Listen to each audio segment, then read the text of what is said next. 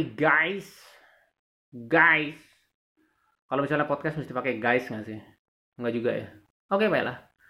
Nama saya Bayu. Saya uh, bekerja sebagai konsultan komunikasi sehari harinya uh, dan sekarang mm, sedang melakukan berbagai kegiatan atau mencoba beberapa hal baru dan salah satunya adalah Brazilian Jiu-Jitsu. Jing jing. Brazilian Jiu-Jitsu. Jiu-Jitsu. Apa sih kelebihannya dari Brazilian Jiu-Jitsu? Kalau Muay Thai jelas uh, main tangan gitu kan, pukulan dan tendangan gitu. Tapi uh, Brazilian Jiu-Jitsu itu lebih main bawah, dekat dengan lantai. Nah, makanya banyak orang menyebut ini adalah olahraga uh, grappling karena seperti gulat gitu. Orang uh, mengalahkan lawannya dengan melakukan jepitan, uh, kuncian gitu ya. Saya sendiri kenal dengan Brazilian Jiu-Jitsu itu uh, dari dari orang yang banyak cerita tentang uh, Brazilian Jiu-Jitsu ini gitu. Kebetulan dia udah beberapa tahun belakangan memang untuk berlatih Brazilian Jiu-Jitsu dan uh, dia banyak cerita betapa serunya uh, dia sampai saat ini berlatih uh, BJJ. Uh, saya saya karena pada posisi yang ingin mencoba beberapa hal baru, saya kemudian memutuskan untuk eh kenapa nggak dicoba aja sih yang namanya Brazilian Jiu-Jitsu.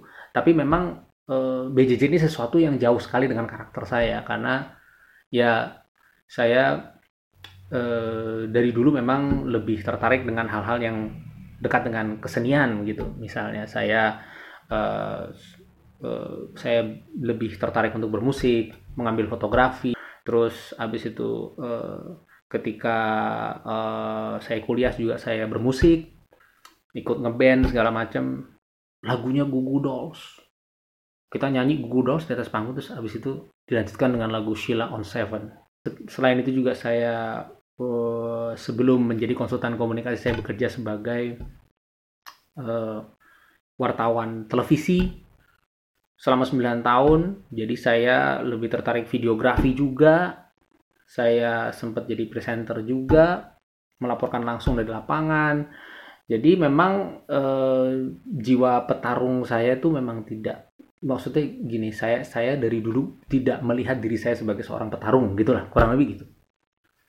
Apalagi di atas ring. Nah, ini eh, cukup menakutkan awalnya buat saya. Karena ini ini benar-benar uncharted territory. Saya ini sama sekali nggak nggak kebayang gitu sebelumnya. Seperti apa uh, resikonya apa dampaknya seperti apa. Terus saya berusaha melihat uh, secara objektif gitu ya lebih objektif lagi ini sebenarnya BJJ ini cocok buat saya atau enggak kalau Muay Thai gitu misalnya kan pukulan dan tendangan itu di mata saya itu high impact karena dia bisa menyasar kepala dan resikonya kita bisa KO knockout pada saat itu juga. Dan itu sering terjadi saya lihat di MMA di One Pride di One Championship atau UFC gitu ya. Ada banyak uh, pertandingan pertandingan eh, UFC One Championship atau One Pride yang kita bisa lihat di internet gitu ya. Yang itu jelas sekali pukulan itu kelar habis itu udah knock out down. Sementara di umur 45 tahun bo uh, kita harus bisa memastikan bahwa apa yang kita lakukan bertanggung jawab toh. Karena kita punya keluarga dan dan punya tanggung jawab yang lainnya. So uh, saya lihat-lihat dulu nih BJJ setelah saya lihat ternyata BJJ itu uh, tidak tidak tidak gerakan-gerakannya itu tidak high impact. Uh, Artinya kalaupun ada yang menyasar kepala itu lebih kepada cekikan gitu, yang yang tentunya masih bisa diantisipasi dan tidak seketika begitu sifatnya. Uh, uh, selain itu juga kita tetap bisa uh, melakukan submission gitu, melakukan tap dua kali untuk uh, menyampaikan kepada yang menyerang kita bahwa oke okay, kita sudah submit, kita sudah mengaku kalah gitu. Nah dari situ saya jadi uh, mulai menjajaki kemungkinan benar-benar untuk mencoba nih yang namanya BJJ. Terus habis itu saya uh, tentunya saya lihat-lihat nih kan tempat latihan BJJ di Jakarta tuh di mana aja sih? Saya coba di beberapa tempat, salah satunya di Lebin, terus di Grasi Bara, terus habis itu terakhir di Jakarta Muay Thai Club. Gitu. Terus ya dan akhirnya saya memutuskan untuk uh, berlatih di tempat yang terakhir. Uh, karena dekat, alasannya sebenarnya hanya karena dekat aja dengan kantor. Sekitar 15 menit dari kantor ke sana. Jadi saya sambil pulang saya bisa ke sana dan dan uh, waktu latihan itu jam 8 jam setengah 8 malam. Cocok dengan uh, waktu bekerja saya yang memang sedikit tidak beraturan gitulah. Khususnya sebagai konsultan komunikasi. Nah, terus kita coba dong sebulan pertama sesi pertama dulu deh selesai sesi pertama paha tuh kenceng banget. Saya sampai nggak bisa jalan lurus. Mesti pelan-pelan karena sakit semua badannya. Terus eh, selain itu juga baru pertama kali latihan nih tiba-tiba kita eh, dijepit tangannya gitu kan. Dan eh, lawannya kebetulan eh, uh, melakukan salah satu teknik gitu ya. Yang yang ada dari Brazilian Jiu-Jitsu uh, Americana kalau nggak salah atau Kimura gitu namanya dan itu kedengeran tuh suaranya pop gitu. Di salah satu uh, di siku saya. Terus saya coba-coba oh ini kenapa dislokasi apa gimana ya? Itu udah, udah ngeri banget sih awalnya. Uh, ternyata alhamdulillah nggak apa-apa. Saya pulang saya masih masih rada sakit saya pegang-pegang gitu. Terus saya coba puter-puter gitu kan selama seminggu. Oke aman. Oke saya latihan lagi uh, sesi kedua masih kenceng pahanya.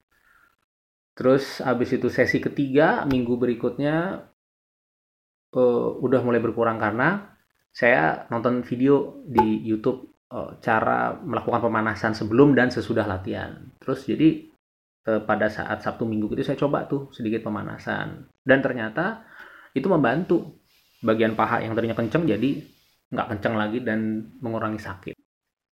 Terus masuk sesi ketiga, eh, entah kenapa apa yang membuat saya mendorong melakukan ini. Saya puasa. Terus habis itu latihan jiu-jitsu, Brazilian Jiu-Jitsu. Terus habis itu pulang. Nyampe rumah sekitar jam 12 malam lah. Sesi perta sesi ketiga ya. Masih nggak apa-apa. Minumnya kurang. Uh, minumnya cuma setelah latihan gitu deh. Pas di tengah-tengah latihan itu cuma sekali dua kali gitulah Terus masuk ke sesi keempat latihan gitu lagi. Puasa lagi kita. Puasa, latihan, terus baru minum setelah latihan. Ya mungkin lebih banyak minum lah sesi keempatnya gitu ya. Pas sudah selesai latihan, tiba-tiba kok uh, tulang belakang saya itu yang dekat pinggang itu kok rasanya sakit gitu ya. Udah dari malam itu tuh sepanjang malam itu saya nggak bisa tidur sampai jam 2 baru tidur jam 2 paginya bangun pas bangun itu udah sakit tuh di bagian tulang belakang dekat pinggang ya. Uh, kenceng banget terus abis itu jadi susah bergerak dan setiap kali saya stretching itu ya meluruskan punggung gitu ya itu rasanya sakit gitu Wah pikirannya udah macam-macam itu aduh sleep disk lah apalah segala macam Terus habis itu minggu minggu berikutnya saya coba lagi latihan kan. Saya kebetulan latihannya dua kali seminggu. Pas hari e, Senin itu ketika mau latihan itu saya udah mikir, aduh ini latihan nggak ya? Ini sakit banget soalnya. Tapi saya cepat paksain aja. Pas pemanasan kok tiba-tiba sakit di punggung itu hilang. Kan bingung ya, gimana caranya orang kita habis latihan sakit, terus habis itu pas kita latihan lagi justru malah hilang sakitnya. Terus dari situ uh, udah selesai latihan saya tanya-tanya ini sakit punggungnya? Terus dia bilang uh, kebetulan teman yang saya kasih tahu bilang bahwa dia juga pernah ngalamin hal yang sama. Dan ternyata solusinya itu cuma satu minum. Jadi dia udah ke rumah sakit udah ketemu dokter segala macam di check up nggak ada apa-apa. Dokternya bilang kayaknya kurang minum deh pak. Dan dia minum habis itu hilang. Nah saya akhirnya oke. okay. Saya nggak tahu lagi mesti ngapain kan saya coba aja. Bener lo hilang. Sama sekali gone. Jadi setelah latihan itu saya minum banyak banyak banget. Terus habis itu besok paginya hilang. Nggak ada lagi sakit. Kayak ajaib aja gitu. Eh, kadang-kadang kalau misalnya kita lagi habis tidur gitu ya masih ada sedikit gitu ya uh, mungkin rada kencang gitu ya tapi nggak nggak nggak nggak sesakit sebelumnya. Terus habis itu oke okay, latihan lagi. Kurang lebih udah udah sebulan lah saya latihan di sana gitu. Ya selama latihan tuh ada beberapa kali yang asli kedengeran suara tulangnya tuh bunyi gitu kerak gitu. Atau berasa ketika di uh, rare uh, rear naked choke gitu berasa tuh lehernya ketarik bo. Kayaknya uh, tulang-tulang itu kayak jadi ada uh, ketika dilurusin gitu ya ketika dicekek gitu tuh ada suara itu ker gitu. Aduh. Um, waktu itu saya coba, uh, tapi sejauh ini sih aman-aman aja ya. Nggak ada keluhan lain. Uh, alhamdulillah baik-baik saja dan mudah-mudahan saya pik uh, mudah-mudahan lancar-lancar aja ke depannya. Tapi saya pikir, uh, yang pasti sih sebenarnya mungkin kalau mau aman ya, pemanasan itu penting banget sih. Pemanasan itu bukan pemanasan pas latihan enggak. Jadi sebelum pemanasan latihan kita udah pemanasan sendiri dulu. Uh, pemanasan itu kan nggak harus dilakukan sebelum latihan juga bisa dilakukan setiap hari juga. Uh, terus habis itu uh, uh, olahraga yang mendukung olahraga ini seperti kayak misalnya lari ke gym dan segala macam bahkan ada yang bilang yoga tuh penting banget karena uh, melenturkan otot. Dan ini olahraga yang memang penting banget. Uh, otot yang lentur itu penting banget. Nah uh, uh, apalagi buat orang yang nggak pernah olahraga kayak gue gitu misalnya. Nah jadi uh, gue udah mulai lari gitu ya. Nggak nggak nggak setiap pagi juga. Tergantung kalau misalnya kita pulang jam 12 malam gitu karena kerjaan gitu ya bukan karena latihan. Nggak mungkin karena kita harus pastiin bahwa olahraga kita itu tidak kemudian merusak tubuh kita gitu kan. Kalau kita mau olahraga e, lari pagi ya kita pastiin tidurnya cukup dong ya kan. Nah kalau misalnya pulang jam 12 malam tidur cuma 4 jam terus dipaksain lari kan gila juga. Nah jadi saya ya ngerem-ngerem juga. Kebetulan di tempat saya latihan itu e, coach atau atau profnya itu mendukung banget jadi dia juga tahu oke okay, ini nggak usah dipaksain pak gitulah kurang lebih gitu.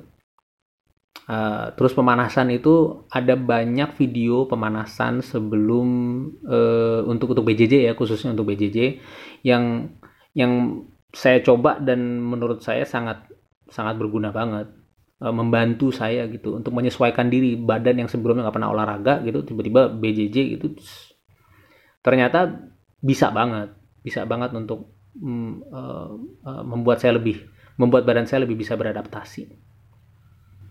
Uh, ya begitulah pengalaman saya BJJ dan kemarin baru aja saya dapat uh, baru beli seragamnya. Mahal bo. Tapi nggak apa-apa.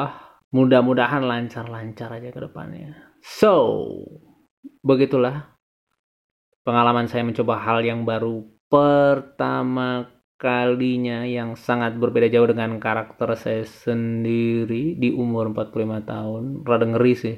Tapi ya dengan doa dan ikhtiar, jeng jeng, kita bisa terus lanjut dengan olahraga ini. Oke, baiklah sedikit sharing dari saya pagi ini. Semoga bermanfaat. Bye.